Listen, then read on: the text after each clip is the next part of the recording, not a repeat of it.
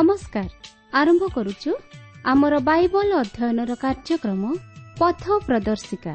ପବିତ୍ର ବାଇବଲ କହେ ହେ ପରିଶ୍ରାନ୍ତ ଓ ଭାରଗ୍ରସ୍ତ ଲୋକ ସମସ୍ତେ ମୋ ନିକଟକୁ ଆସ।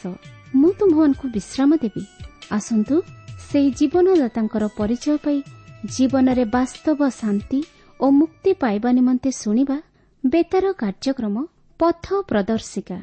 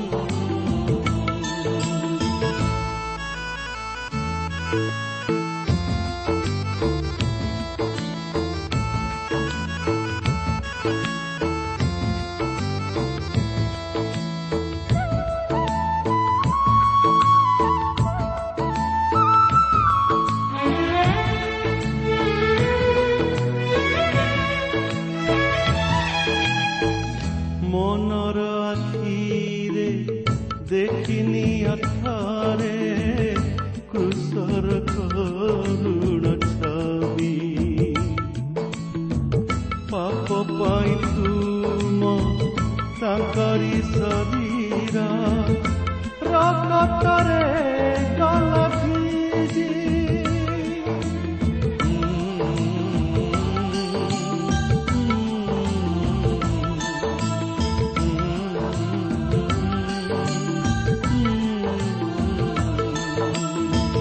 ତୁମ ପାପ ରୂପ ଗରଳ ଯେତେ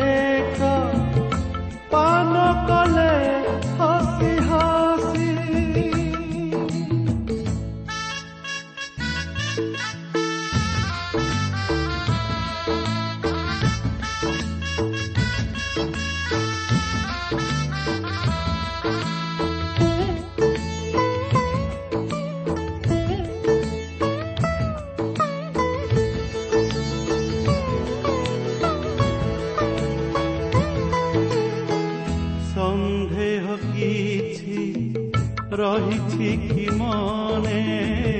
ସେଇଭଳି ଦାନ ପାଇଁ ମଣିଷ ପାଇଁ ଆଜି ଯାଏ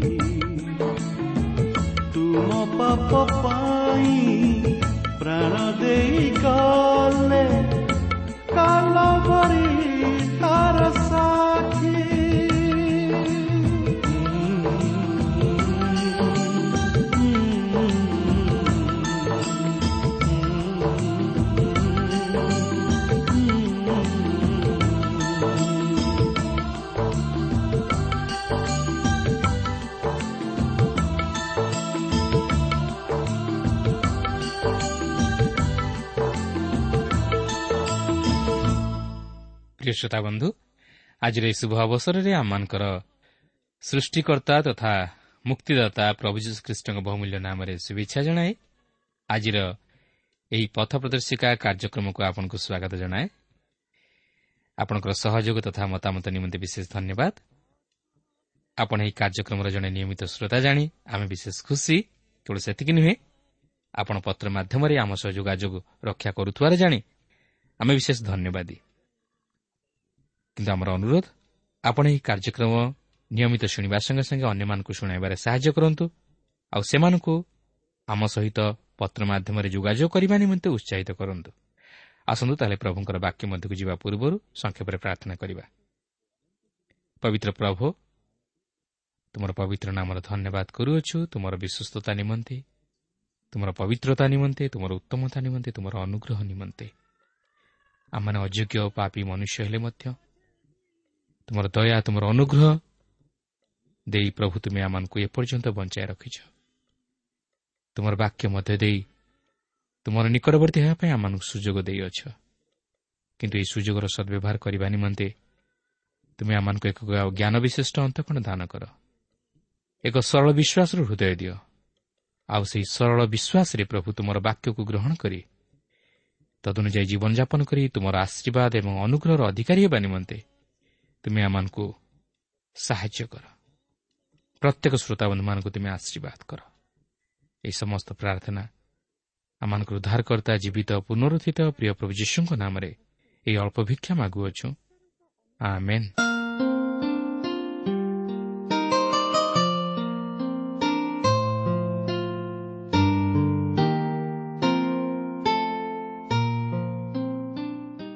ଆସନ୍ତୁ ବର୍ତ୍ତମାନ ଆମେ ଆମର କାର୍ଯ୍ୟକ୍ରମ ମଧ୍ୟକୁ ଯିବା।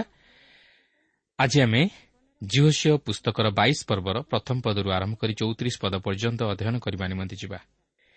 ଏହି ପର୍ବର ମୁଖ୍ୟ ଆଲୋଚନାର ପ୍ରସଙ୍ଗ ହେଉଛି ରୁବେନ୍ ବଂଶ ଗାଦ ବଂଶ ଓ ମନସୀର ଅର୍ଦ୍ଧବଂଶ ନିଜର ଅଧିକୃତ ଅଞ୍ଚଳକୁ ଫେରିଗଲେ ଓ ସେମାନେ ଜର୍ଦ୍ଦନ ନଦୀର ପଶ୍ଚିମ ପାରିରେ ଏକ ଯଜ୍ଞବେଦୀ ନିର୍ମାଣ କରି ତହିଁର ନାମ ଏଦ୍ ଅର୍ଥାତ୍ ସାକ୍ଷୀ ରଖିଲେ। କାରଣ ସେମାନେ କହିଲେ ସଦାପ୍ରଭୁ ଯେ ପରମେଶ୍ୱର ଅଟନ୍ତି ଆମମାନଙ୍କ ମଧ୍ୟରେ ଏଥିର ସାକ୍ଷୀ ଏହି।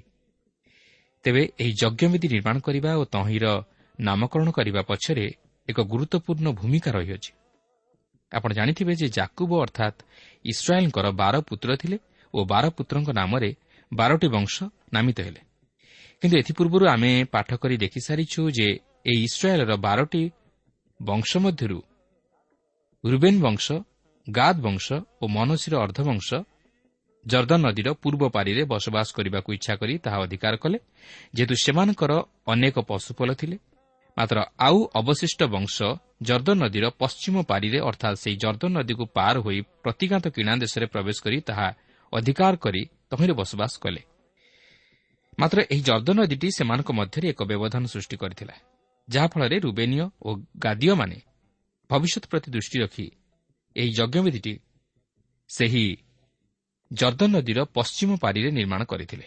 ଯେପରି ସେମାନଙ୍କର ଭବିଷ୍ୟତ ବଂଶଧନଙ୍କ ନିମନ୍ତେ ଏହା ଏକ ସାକ୍ଷୀ ସ୍ୱରୂପ ହୁଏ ଯେପରି ଜର୍ଦ୍ଦନ ନଦୀ ସେମାନଙ୍କ ମଧ୍ୟରେ ବ୍ୟବଧାନ ସୃଷ୍ଟି ନ କରେ କିମ୍ବା ସେମାନଙ୍କ ଭବିଷ୍ୟତ ସନ୍ତାନଗଣଙ୍କ ମଧ୍ୟରେ ଈଶ୍ୱରଙ୍କ ସହିତ ରହିଥିବା ସମ୍ପର୍କକୁ ନେଇ ସେମାନଙ୍କ ମଧ୍ୟରେ କୌଣସି ପ୍ରକାର କଳହ ବା ବାଦ ବିସମ୍ବାଦ ନ ହୁଏ। ଏଥିନିମନ୍ତେ ଏହି ଯଜ୍ଞବେଦୀଟି ରୁବେନୀୟ ଓ ଗାଦୀୟ ବଂଶ ଜର୍ଦ୍ଦନ ନଦୀର ପଶ୍ଚିମ ପାରିରେ ନିର୍ମାଣ କରିଥିଲେ। ମାତ୍ର ଏହା ହୋମ କି ବଳିଦାନ ନିମନ୍ତେ ନିର୍ମାଣ କରାଯାଇ ନ ଥିଲା କିନ୍ତୁ ସେମାନଙ୍କ ମଧ୍ୟରେ ଏହି ଯଜ୍ଞବେଦୀଟି ସାକ୍ଷୀ ସ୍ୱରୂପେ ନିର୍ମାଣ କରାଯାଇଥିଲା। ତେବେ ଏହି ଯଜ୍ଞବେଦୀଟି ନିର୍ମାଣ କରିବା ନେଇ ସେମାନଙ୍କ ମଧ୍ୟରେ କାହିଁକି ଓ କି ପ୍ରକାର ପ୍ରତିକ୍ରିୟା ସୃଷ୍ଟି ହୋଇଥିଲା ତାହା ଆମେ ବର୍ତ୍ତମାନ ଏହି ବାଇଶ ପର୍ବଟି ଅଧ୍ୟୟନ କରି ଜାଣିବାକୁ ଚେଷ୍ଟା କରିବା। କିନ୍ତୁ ଏଠାରେ ମୁଁ ଆପଣଙ୍କୁ ସ୍ମରଣ କରାଇଦିଏ ଯେ ଏହି ରୁବେନ୍ ବଂଶ ଗାଦ ବଂଶ ଓ ମନସୀର ଅର୍ଦ୍ଧବଂଶ ସେହି ଜର୍ଦ୍ଦନର ପୂର୍ବ ପାରିରେ ବସବାସ କରିବା ନେଇ ଏକ ସର୍ତ୍ତ ଥିଲା। ଆଉ ସେହି ସର୍ତ୍ତଟି ହେଉଛି ଯଦି ସେମାନେ ସେମାନଙ୍କର ଭାଇମାନଙ୍କୁ ସାହାଯ୍ୟ କରିବା ନିମନ୍ତେ ଓ ସେମାନଙ୍କ ନିମନ୍ତେ ଯୁଦ୍ଧ କରି ସେମାନଙ୍କୁ ସେହି ପ୍ରତିଜ୍ଞାତ କିଣା ଦେଶରେ ପ୍ରବେଶ କରାଇ ସେମାନଙ୍କୁ ସେହି ଦେଶ ଅଧିକାର କରାଇବା ନିମନ୍ତେ ସେମାନଙ୍କ ମଧ୍ୟରୁ ସୈନ୍ୟମାନଙ୍କୁ ପଠାନ୍ତି ଓ ସେମାନଙ୍କ ଭାଇମାନଙ୍କୁ ସାହାଯ୍ୟ କରି ସେହି ଦେଶର ଅଧିକାରୀ କରାନ୍ତି ତାହେଲେ ସେମାନେ ଫେରିଆସି ଜର୍ଦ୍ଦନର ପୂର୍ବ ପାରିରେ ବାସ କରିବା ନିମନ୍ତେ ଅଧିକାର ପ୍ରାପ୍ତ ହେବେ। ଆଉ ଠିକ୍ ସେହିପରି ଭାବରେ ରୁବେନୀୟ ଓ ଗାଦୀୟ ବଂଶ ସେହି ସର୍ତ୍ତ ରକ୍ଷା କରି ସେମାନଙ୍କ ଭାଇମାନଙ୍କ ସହିତ ଯୁଦ୍ଧ କରି ସେମାନଙ୍କୁ ସେହି କିଣା ଦେଶର ଅଧିକାରୀ କରାଇ ଫେରିଆସିବା ସମୟରେ ସେହି ଜର୍ଦ୍ଦନ ନଦୀର ପଶ୍ଚିମ ପାରିରେ ସେମାନଙ୍କ ଭବିଷ୍ୟତ ସନ୍ତାନଗଣ ନିମନ୍ତେ ଏକ ସାକ୍ଷୀ ସ୍ୱରୂପେ ଏହି ଯଜ୍ଞବେଦୀଟି ନିର୍ମାଣ କରିଥିଲେ। କିନ୍ତୁ ଏହି ଯଜ୍ଞବେଦୀକୁ କେନ୍ଦ୍ର କରି ସେମାନଙ୍କ ମଧ୍ୟରେ ବିବାଦ ସୃଷ୍ଟି ହେବାର କାରଣ ହେଉଛି ଯେ ଇସ୍ରାଏଲ୍ ମଧ୍ୟରେ କୌଣସି ଲୋକ ଅନ୍ୟ କୌଣସି ସ୍ଥାନରେ ଯଜ୍ଞବେଦୀ ନିର୍ମାଣ କରିବା ନିମନ୍ତେ ଅନୁମତି ପାଇନଥିଲେ। କେବଳ ସମାଗମ ତମ୍ବୁ ମଧ୍ୟରେ ଯଜ୍ଞବେଦୀ ନିର୍ମାଣ କରାଯିବାର ନିୟମ ଥିଲା। କାରଣ ଯଜ୍ଞବେଦୀ କେବଳ ହୋମ ଓ ବଳିଦାନ ନିମନ୍ତେ ଉଦ୍ଦିଷ୍ଟ ଥିଲା। ତାହା କେବଳ ସମାଗମ ତମ୍ବୁ ମଧ୍ୟରେ ହିଁ ନିର୍ମିତ ହେବାକୁ ଥିଲା। ଯଦିଓ ସମୟାନୁକ୍ରମେ ଏଥିରେ ପରିବର୍ତ୍ତନ ଘଟିଥିଲା ମାତ୍ର ସେହି ସମୟରେ ତାହା କେବଳ ସମାଗମ ତମ୍ବୁ ମଧ୍ୟରେ ନିର୍ମିତ ହେବାକୁ ଥିଲା କିନ୍ତୁ ଅନ୍ୟ କୌଣସି ସ୍ଥାନରେ ନୁହେଁ। ମାତ୍ର ଏହି ରୁବେନୀୟ ଓ ଗାଦୀୟ ବଂଶଧର ଏହି ଯଜ୍ଞବେଦୀ ନିର୍ମାଣ କରିବା ପଛରେ ଏକ ଭିନ୍ନ ଉଦ୍ଦେଶ୍ୟ ଥିଲା। ଯେପରି ସେମାନଙ୍କ ଓ ଇସ୍ରାଏଲ୍ର ଅବଶିଷ୍ଟ ବଂଶ ମଧ୍ୟରେ ସେମାନଙ୍କର ଭବିଷ୍ୟତ ସନ୍ତାନଗଣଙ୍କ ନିମନ୍ତେ ଏହା ଯେପରି ଏକ ସାକ୍ଷୀ ସ୍ୱରୂପ ହୁଏ। ଯେପରି ସେମାନଙ୍କ ଭବିଷ୍ୟତ ସନ୍ତାନଗଣଙ୍କ ମଧ୍ୟରେ ଯେପରି କୌଣସି ଭେଦାଭେଦ ସୃଷ୍ଟି ନ ହୁଏ। କିନ୍ତୁ ବାସ୍ତବରେ ଦେଖିବାକୁ ଗଲେ ଏହି ଯଜ୍ଞବେଦୀଟି ସେମାନଙ୍କ ମଧ୍ୟରେ ଏକ ସୀମାରେଖା ତଥା ଭେଦ ସୃଷ୍ଟି କରିଥିଲା। ସେମାନଙ୍କ ମଧ୍ୟରେ ଏକ ବ୍ୟବଧାନ ସୃଷ୍ଟି କରିଥିଲା। ତେବେ ଏହି ସମସ୍ତ ବିଷୟ ବର୍ତ୍ତମାନ ଆମେ ଅଧ୍ୟୟନ କରି ତହିଁରୁ ଆମର ଆଧ୍ୟାତ୍ମିକ ଜୀବନ ନିମନ୍ତେ କିଛି ଶିକ୍ଷା ଗ୍ରହଣ କରିବା। ଦେଖନ୍ତୁ ଜିଓସିଓ ବାଇଶ ପର୍ବର ପ୍ରଥମ ତିନି ପଦରେ ଏହିପରି ଲେଖା ଅଛି। ଏଥିଉତ୍ତାରେ ଜିଓସିଓ ରୁବେନିୟ ଓ ଗାଦୀୟ ବଂଶକୁ ଓ ମନସୀର ଅର୍ଦ୍ଧବଂଶକୁ ଡାକି ସେମାନଙ୍କୁ କହିଲେ ସଦାପ୍ରଭୁଙ୍କ ସେବକ ମୋଷା ତୁମମାନଙ୍କୁ ଯେ ଯେ ଆଜ୍ଞା ଦେଇଥିଲେ ସେସବୁ ତୁମେମାନେ ପାଳନ କରିଅଛ। ପୁଣି ଆମ୍ଭେ ତୁମମାନଙ୍କୁ ଯେ ଯେ ଆଜ୍ଞା ଦେଇଅଛୁ ସେସବୁରେ ତୁମେମାନେ ଆମ୍ଭ ରବ ଶୁଣିଅଛ। ତୁମେମାନେ ବହୁ ଦିନାବଧି ଆଜି ପର୍ଯ୍ୟନ୍ତ ଆପଣା ଆପଣା ଭ୍ରାତୃଗଣକୁ ତ୍ୟାଗ କରିନାହ ମାତ୍ର ସଦାପ୍ରଭୁ ତୁମାନଙ୍କ ପରମେଶ୍ୱରଙ୍କ ଆଜ୍ଞା ପାଳନ କରିଅଛ। ଏହି ଅଂଶରେ ଆପଣ ଲକ୍ଷ୍ୟ କରିବେ ସେହି ଦୁଇ ଓ ଅର୍ଦ୍ଧବଂଶ ସେମାନଙ୍କ ଅଧିକୃତ ଅଞ୍ଚଳକୁ ବାହୁଡ଼ି ଆସିବା ପୂର୍ବରୁ ଝିଅଶିଅ ସେମାନଙ୍କୁ ଡାକି ଏକତ୍ର କରି କହୁଛନ୍ତି ହେ ରୁବେନ୍ ବଂଶ ହେ ଗାଦ ବଂଶ ତୁମେମାନେ ତୁମମାନଙ୍କର ଭାଇମାନଙ୍କ ପ୍ରତି ସାହାଯ୍ୟ କରି ସେମାନଙ୍କର ଉପକାର କରିଅଛ ବୋଲି ମୁଁ ଜାଣେ। ତୁମମାନେ ତୁମମାନଙ୍କ ପରମେଶ୍ୱରଙ୍କ ଆଜ୍ଞା ପାଳନ କରି ଓ ତୁମମାନଙ୍କର ନେତା ମୂଷାଙ୍କର ଆଜ୍ଞା ପାଳନ କରି ଓ ଆମ୍ଭର ଆଜ୍ଞା ପାଳନ କରି ବାସ୍ତବରେ ତୁମମାନଙ୍କର ଭାଇମାନଙ୍କୁ ସାହାଯ୍ୟ କରିଅଛ। ତେଣୁ ତୁମମାନଙ୍କର ଏହି କର୍ମ ସକାଶୁ ଓ ତୁମ୍ଭେମାନେ ତୁମମାନଙ୍କର ପ୍ରତିଜ୍ଞାକୁ ରକ୍ଷା କରିଥିବାରୁ ତୁମେମାନେ ଏବେ ଫେରିଯାଇ ତୁମମାନଙ୍କର ସେହି ଅଧିକୃତ ଅଞ୍ଚଳକୁ ଅଧିକାର କରି ତହିଁରେ ବସବାସ କର। ଜର୍ଦ୍ଦନର ପୂର୍ବ ପାରିର ସେହି ସମସ୍ତ ଅଞ୍ଚଳ ଆଜିଠାରୁ ତୁମମାନଙ୍କର ଅଧିକୃତ ଅଞ୍ଚଳ ହେଲା। କିନ୍ତୁ ଆପଣ ଯଦି ବାଇଶ ପର୍ବର ଚାରିପଦଟିକୁ ପାଠ କରିବେ ତାହେଲେ ସେଠାରେ ଏହିପରି ଲେଖା ଥିବାର ଆପଣ ଲକ୍ଷ୍ୟ କରିବେ। ଏବେ ସଦାପ୍ରଭୁ ତୁମାନଙ୍କ ପରମେଶ୍ୱର ଆପଣା ପ୍ରତିଜ୍ଞାନୁସାରେ ତୁମାନଙ୍କ ଭ୍ରାତୃଗଣକୁ ବିଶ୍ରାମ ଦେଇଅଛନ୍ତି। ଏ ନିମନ୍ତେ ସଦାପ୍ରଭୁଙ୍କ ସେବକ ମୋଷା ଜର୍ଦ୍ଦନ ସେପାରିରେ ତୁମାନଙ୍କୁ ଯେଉଁ ଅଧିକାର ଦେଇଅଛନ୍ତି ତୁମେମାନେ ଏବେ ଆପଣମାନଙ୍କ ସେହି ଅଧିକୃତ ଦେଶକୁ ଆପଣା ଆପଣା ତମ୍ବୁକୁ ଫେରିଯାଅ।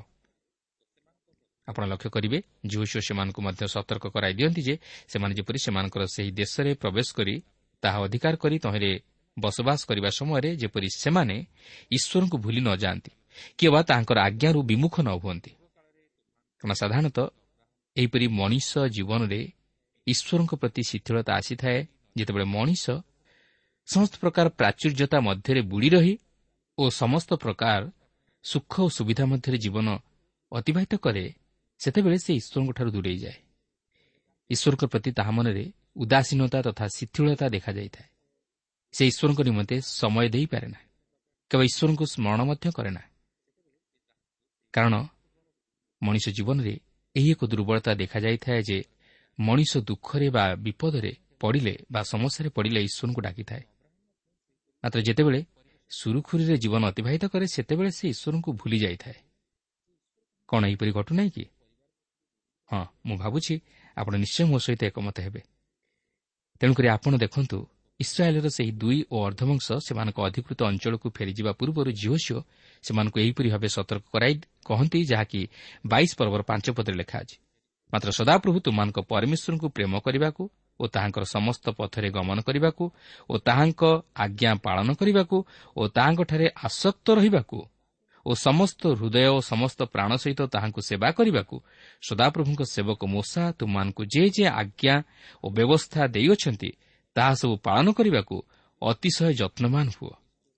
ଆପଣ ଦେଖନ୍ତୁ ଯଦିଓ ସେମାନେ ଜର୍ଦ୍ଦନ ନଦୀର ପୂର୍ବ ପାରିରେ ବସବାସ କଲେ ତଥାପି ସେମାନେ ମୂଷାଙ୍କର ବ୍ୟବସ୍ଥାକୁ ପାଳନ କରିବାକୁ ଥିଲା। ସେମାନେ ଈଶ୍ୱରଙ୍କର ବାଧ୍ୟ ହେବାକୁ ଥିଲା। ତାହାଙ୍କୁ ପ୍ରେମ କରିବାକୁ ଓ ତାହାଙ୍କ ପଥରେ ଅନୁଗମନ କରିବାକୁ ଥିଲା। କେବଳ ସେତିକି ନୁହେଁ ସେମାନେ ମଧ୍ୟ ସମସ୍ତ ହୃଦୟ ଓ ସମସ୍ତ ପ୍ରାଣ ସହିତ ତାହାଙ୍କର ସେବା କରିବାକୁ ଥିଲା।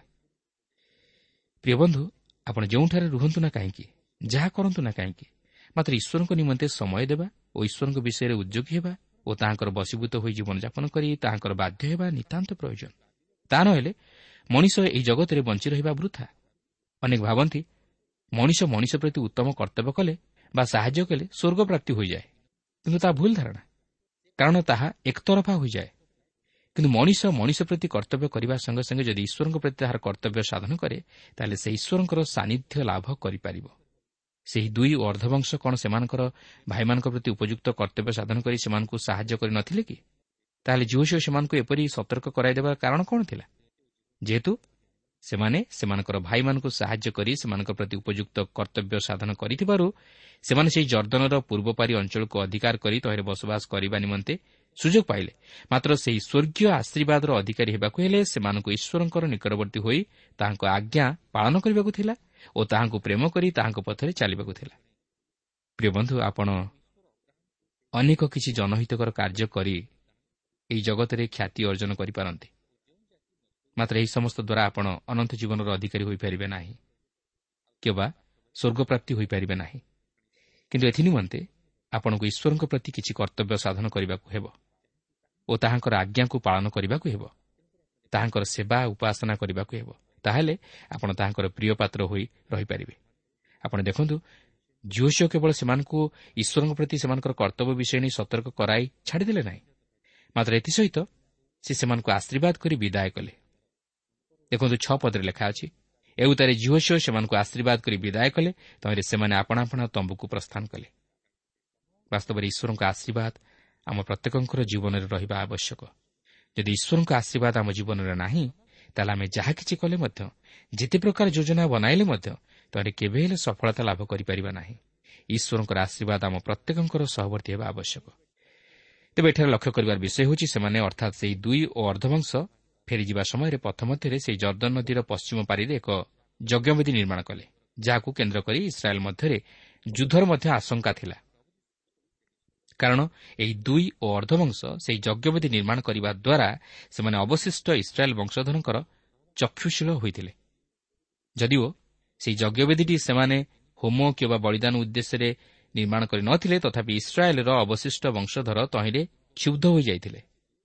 କିନ୍ତୁ ଏହି ବେଦୀଟିକୁ ଏକ ସାକ୍ଷୀ ରୂପେ ଏହି ଦୁଇ ବଂଶ ଓ ଅର୍ଦ୍ଧବଂଶ ନିର୍ମାଣ କରିଥିଲେ। ଯେପରି ଭବିଷ୍ୟତରେ ସେମାନଙ୍କ ସନ୍ତାନଗଣଙ୍କ ମଧ୍ୟରେ କୌଣସି ପ୍ରକାର ବିବାଦ ନ ଉପୁଜେ କିମ୍ବା ସମ୍ପର୍କ ଛିନ୍ନ ନ ହୁଏ କିମ୍ବା ଈଶ୍ୱରଙ୍କ ସହିତ ସେମାନଙ୍କ ସମ୍ପର୍କ ତଥା ଅଧିକାର ଛିନ୍ନ ନ ହୁଏ ଏଥିନିମନ୍ତେ ସେହି ଯଜ୍ଞବିଧିଟିକୁ ସେମାନେ ଏକ ସାକ୍ଷୀ ସ୍ୱରୂପେ ନିର୍ମାଣ କରି ତହିଁର ନାମ ଏଦ୍ ରଖିଥିଲେ ଯେଉଁ ନାମର ଅର୍ଥ ହେଉଛି ସାକ୍ଷୀ। କାରଣ ସେହି ଜର୍ଦ୍ଦନ ନଦୀଟି ସେମାନଙ୍କ ମଧ୍ୟରେ ଏକ ବ୍ୟବଧାନ ସୃଷ୍ଟି କରିଥିଲା। ବା ଏକ ସୀମାରେଖା ଟାଣି ଦେଇଥିଲା। କିନ୍ତୁ ଏହି ଯଜ୍ଞବିଧିଟିକୁ ଯଦିଓ ସେମାନେ ସାକ୍ଷୀ ସ୍ୱରୂପେ ନିର୍ମାଣ କରିଥିଲେ ମାତ୍ର ଏହା ସେମାନଙ୍କର ଅଧିକାର ମଧ୍ୟରେ ଏକ ସୀମାରେଖା ଟାଣି ଦେଇଥିଲା ଓ ତହିଁର ସାକ୍ଷୀ ରୂପେ ଏହି ଯଜ୍ଞବିଧିଟି ନିର୍ମିତ ହୋଇଥିଲା। ଏହି ଯଜ୍ଞବିଧିଟି ସେମାନଙ୍କର ଏକତାର ସାକ୍ଷୀ ନଥିଲା ମାତ୍ର ଏକ ବିଭେଦର ସାକ୍ଷୀ ଥିଲା। ଏହି ଯଜ୍ଞବିଧିଟି ସେମାନଙ୍କ ମଧ୍ୟରେ ଏକତା ଆଣିଦେଇ ନଥିଲା ମାତ୍ର ଏକ ବିଭେଦ ସୃଷ୍ଟି କରିଥିଲା।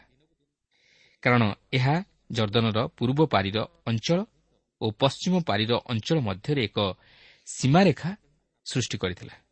ଆପଣ ଲକ୍ଷ୍ୟ କରିବେ ଯେ ଇତିମଧ୍ୟରେ ସେମାନେ ଝିଅଶିଓଙ୍କଠାରୁ ବିଦାୟ ଘେନି ଫେରିଆସିଅଛନ୍ତି ଓ ସେମାନେ ଆସି ଜର୍ଦ୍ଦନ ନଦୀର ସୀମାରେଖା ମଧ୍ୟରେ ପହଞ୍ଚି ଯାଇଛନ୍ତି ଓ ସେମାନେ ବର୍ତ୍ତମାନ ସେହି ଯଜ୍ଞବେଦୀଟିକୁ ସାକ୍ଷୀ ରୂପେ ନିର୍ମାଣ କରିବାକୁ ଯାଉଅଛନ୍ତି ଯାହାକି ବାଇଶ ପର୍ବର ଦଶ ପଦରେ ଲେଖା ଅଛି।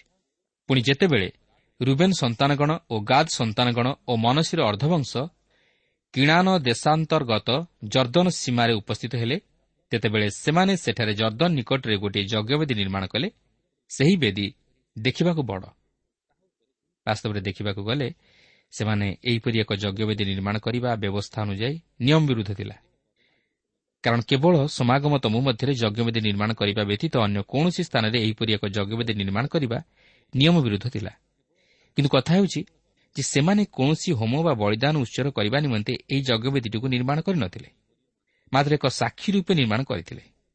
ଏହି ଯଜ୍ଞବେଦୀଟି ଜର୍ଦ୍ଦନ ନଦୀର ପଶ୍ଚିମ ପାରିରେ ଥିଲା ଓ ଏହା ଏପରି ଏକ ସ୍ଥାନରେ ଥିଲା ଯାହାକି ଲୋକେ ଦୂରରୁ ତାହା ଦେଖିପାରୁଥିଲେ। ବର୍ତ୍ତମାନ ମଧ୍ୟ ଲୋକେ ତହିଁର ଧ୍ୱଂସାବଶେଷ ମଧ୍ୟ ଦେଖିବାକୁ ପାରିବେ। ତାହା ଆଜି ମଧ୍ୟ ସେହି ସ୍ଥାନରେ ଭଗ୍ନ ସ୍ତୂପ ରୂପେ ରହିଅଛି। ସେମାନେ ଏକ ଭିନ୍ନ ଉଦ୍ଦେଶ୍ୟ ନେଇ ଅର୍ଥାତ୍ ସେମାନଙ୍କ ମଧ୍ୟରେ ସେହି ଯଜ୍ଞବେଦୀ ଯେପରି ଏକ ସାକ୍ଷୀ ସ୍ୱରୂପ ହୋଇ ରୁହେ ଏଥିନିମନ୍ତେ ତାହା ନିର୍ମାଣ କରିଥିଲେ। କିନ୍ତୁ ଏହା ଇସ୍ରାଏଲ୍ର ଅବଶିଷ୍ଟ ବଂଶଧରଙ୍କ ମଧ୍ୟରେ ଏକ କଳହର ସୂତ୍ରପାତ କରିଥିଲା। କାରଣ ସେମାନେ ଯେତେବେଳେ ସେହି ଯଜ୍ଞବେଦୀ ନିର୍ମିତ ହେବାର ବିଷୟ ଶୁଣିଲେ ସେତେବେଳେ ସେମାନେ କ୍ରୋଧାନ୍ୱିତ ହୋଇ ଏହି ଦୁଇ ବଂଶ ଓ ଅର୍ଦ୍ଧବଂଶ ବିରୁଦ୍ଧରେ ଯୁଦ୍ଧ କରିବାକୁ ଉଠିଲେ ଓ ସେମାନେ ସିଲୋରେ ଏକତ୍ର ହେଲେ। ବାଇଶ ପର୍ବର ବାରପଦରେ ଲେଖା ଅଛି ତ ଇସ୍ରାଏଲ୍ ସନ୍ତାନଗଣ ଯେତେବେଳେ ଏହି କଥା ଶୁଣିଲେ ତେତେବେଳେ ସେମାନଙ୍କ ପ୍ରତିକୂଳରେ ଯୁଦ୍ଧକୁ ଯିବା ପାଇଁ ଇସ୍ରାଏଲ୍ ସନ୍ତାନଗଣର ସମଗ୍ର ମଣ୍ଡଳୀ ସିଲୋରେ ଏକତ୍ରିତ ହେଲେ। ଏହା ହିଁ ଥିଲା ଇସ୍ରାଏଲ୍ର ଅବଶିଷ୍ଟ ବଂଶଧରଙ୍କର ସେହି ଯଜ୍ଞବିଧି ବିଷୟ ନେଇ ପ୍ରତିକ୍ରିୟା।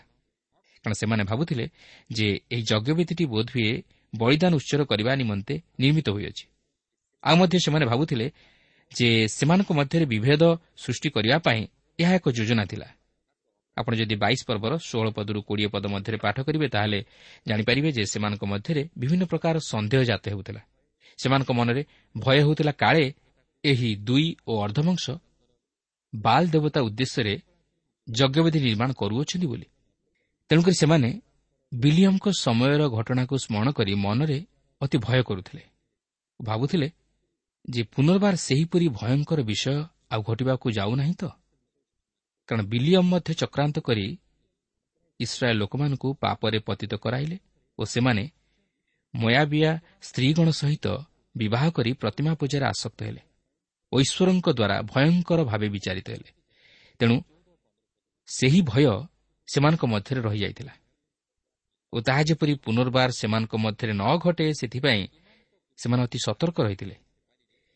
କିନ୍ତୁ ସେ ଯାହା ହେଉନା କାହିଁକି ସେହି ଯଜ୍ଞବେଦୀ ନିର୍ମାଣ କରିବା ନେଇ ଏହି ଦୁଇ ଓ ଅର୍ଦ୍ଧବଂଶ ଅତି ସୁନ୍ଦର ଭାବେ ଇସ୍ରାଏଲ୍ର ଅବଶିଷ୍ଟ ବଂଶଧରଙ୍କୁ ବୁଝାଇ ଦେଇଥିଲେ ଓ ସେହି ଯଜ୍ଞବେଦୀ ନିର୍ମାଣ କରିବାର କାରଣ ମଧ୍ୟ ସେମାନଙ୍କୁ ଜଣାଇ ଦେଇଥିଲେ ଯାହାକି ବାଇଶ ପର୍ବର ଏକୋଇଶ ପଦରୁ ଅଣତିରିଶ ପଦ ମଧ୍ୟରେ ଲେଖା ଅଛି। ତେବେ ମୁଁ ଏହାକୁ ବର୍ତ୍ତମାନ ପାଠ କରିବା ପାଇଁ ଯାଉନାହିଁ ମାତ୍ର ଏହାର ସାରାଂଶ ଆପଣଙ୍କୁ କହି ରଖେ ଯେ ଇସ୍ରାଏଲ୍ର ଏହି ଦୁଇ ଓ ଅର୍ଦ୍ଧବଂଶ ହୋମ କିମ୍ବା ବଳିଦାନ ଉତ୍ସର୍ଗ କରିବା ନିମନ୍ତେ ଏହି ବେଦୀ ନିର୍ମାଣ କରିନଥିଲେ ମାତ୍ର ସେମାନଙ୍କ ଓ ଇସ୍ରାଏଲ୍ର ଅବଶିଷ୍ଟ ବଂଶ ମଧ୍ୟରେ ଏକ ସାକ୍ଷୀ ରୂପେ ଏହି ଯଜ୍ଞବେଦୀ ନିର୍ମିତ ହୋଇଥିଲା। ଯେପରି ଭବିଷ୍ୟତରେ ସେମାନଙ୍କ ସନ୍ତାନଗଣ ମଧ୍ୟରେ ଈଶ୍ୱରଙ୍କ ସହିତ ସେମାନଙ୍କର ଅଧିକାର ତଥା ସମ୍ପର୍କ ନେଇ କୌଣସି ବିଭେଦ ସୃଷ୍ଟି ନ ହୁଏ। ମାତ୍ର ବାସ୍ତବରେ ଦେଖିବାକୁ ଗଲେ ଏହି ଯଜ୍ଞବେଦୀ ସେମାନଙ୍କ ମଧ୍ୟରେ ଏକ ସୀମାରେଖାଟେ ଆଣିଦେଇଥିଲା ବାଇଶ ପର୍ବର ତିରିଶ ପଦରୁ ଚଉତିରିଶ ପଦ ମଧ୍ୟରେ ଆମେ ଦେଖୁଛୁ ଯେ ଇସ୍ରାଏଲ୍ ସନ୍ତାନଗଣ ସେହି କଥା ଶୁଣି ଶାନ୍ତ ରହିଲେ ଓ ସେହି ଯଜ୍ଞବେଦୀକୁ ସେମାନଙ୍କ ମଧ୍ୟରେ ସାକ୍ଷୀ ସ୍ୱରୂପେ ରଖିଲେ। କିନ୍ତୁ ତାହା ବାସ୍ତବରେ ଏକତାର ଯଜ୍ଞବେଦୀ ନଥିଲା ମାତ୍ର ଏକ ବିଭେଦର ଯଜ୍ଞବେଦୀ ଥିଲା। କିନ୍ତୁ ସମାଗମ ତମ୍ବୁ ମଧ୍ୟରେ ଯେଉଁ ଯଜ୍ଞବେଦୀ ଥିଲା ତାହା ଏକତାକୁ ଓ ଉଦ୍ଧାରକୁ ଦର୍ଶାଉଥିଲା। କାରଣ ସେହି ଯଜ୍ଞବେଦୀରେ ହୋମ ଓ ବଳିଦାନ ପ୍ରଭୃତି ଉତ୍ସର୍ଗ କରାଯାଉଥିଲା ଓ ସେହି ଯଜ୍ଞବେଦୀ ଖ୍ରୀଷ୍ଟଙ୍କର ସେହି କୃଷ୍ୟ ମୃତ୍ୟୁକୁ ବଳିଦାନ ସ୍ୱରୂପେ ପ୍ରକାଶିତ କରୁଥିଲା। ତେଣୁକରି ଆଜି ଯେଉଁମାନେ ଖ୍ରୀଷ୍ଟଙ୍କର ସେହି କୃଷ୍ୟ ମୃତ୍ୟୁ ବିନା ବା ଖ୍ରୀଷ୍ଟଙ୍କ ବିନା ଅନ୍ୟ କୌଣସି ଉପାୟରେ ଈଶ୍ୱରଙ୍କ ସହିତ ସହଭାଗିତା ସ୍ଥାପନ କରିବା ପାଇଁ ଚାହାନ୍ତି କିମ୍ବା ପାପରୁ ଉଦ୍ଧାର ପାଇବା ପାଇଁ ଚାହାନ୍ତି ଅଥବା ଅନ୍ୟ କୌଣସି ବିଷୟକୁ ସାକ୍ଷୀ ରୂପେ ବ୍ୟବହାର କରନ୍ତି। ସେମାନେ କେବେ ହେଲେ ସତ୍ୟ ଈଶ୍ୱରଙ୍କ ସହ ସହଭାଗିତା ସ୍ଥାପନ କରିପାରିବେ ନାହିଁ। ପ୍ରିୟ ବନ୍ଧୁ ଯେପର୍ଯ୍ୟନ୍ତ ଆମେ ନିଜ ଜୀବନରେ ପାପକୁ ଲୁଚାଇ ରଖିଥିବା ସେ ପର୍ଯ୍ୟନ୍ତ ଆମେ କେବେ ହେଲେ ପବିତ୍ର ଈଶ୍ୱରଙ୍କର ସହଭାଗିତା ଲାଭ କରିପାରିବା ନାହିଁ। କାରଣ ଈଶ୍ୱର ହେଉଛନ୍ତି ପବିତ୍ର। ଆଉ ସେ ଚାହାନ୍ତି ଯେପରି ଆମମାନେ ପବିତ୍ର ହେଉ। କିନ୍ତୁ ଆମମାନେ ଅପବିତ୍ର ମନୁଷ୍ୟ ହୋଇ କିପରି ପବିତ୍ର ଈଶ୍ୱରଙ୍କର ସାନ୍ନିଧ୍ୟ ଲାଭ କରିପାରିବା? ତେଣୁ ପବିତ୍ର ଈଶ୍ୱରଙ୍କର ସାନ୍ନିଧ୍ୟ ଲାଭ କରିବାକୁ ହେଲେ ପ୍ରଥମେ ଆମମାନଙ୍କର ପାପ ସମସ୍ୟାର ସମାଧାନ ହେବାକୁ ଅଛି। ସେହି ପାପ ପରିଷ୍କୃତ ହେବାକୁ ଅଛି। ସେହି ପାପରୁ ଆମମାନେ ଉଦ୍ଧାର ପାଇବାକୁ ଅଛି। ସେହି ପାପରୁ ଆମମାନେ ପବିତ୍ରକୃତ ହେବାକୁ ଅଛି। ତାହା ନହେଲେ ଆମେ ପବିତ୍ର ଈଶ୍ୱରଙ୍କର ସାନ୍ନିଧ୍ୟ ଲାଭ କରିପାରିବା ନାହିଁ।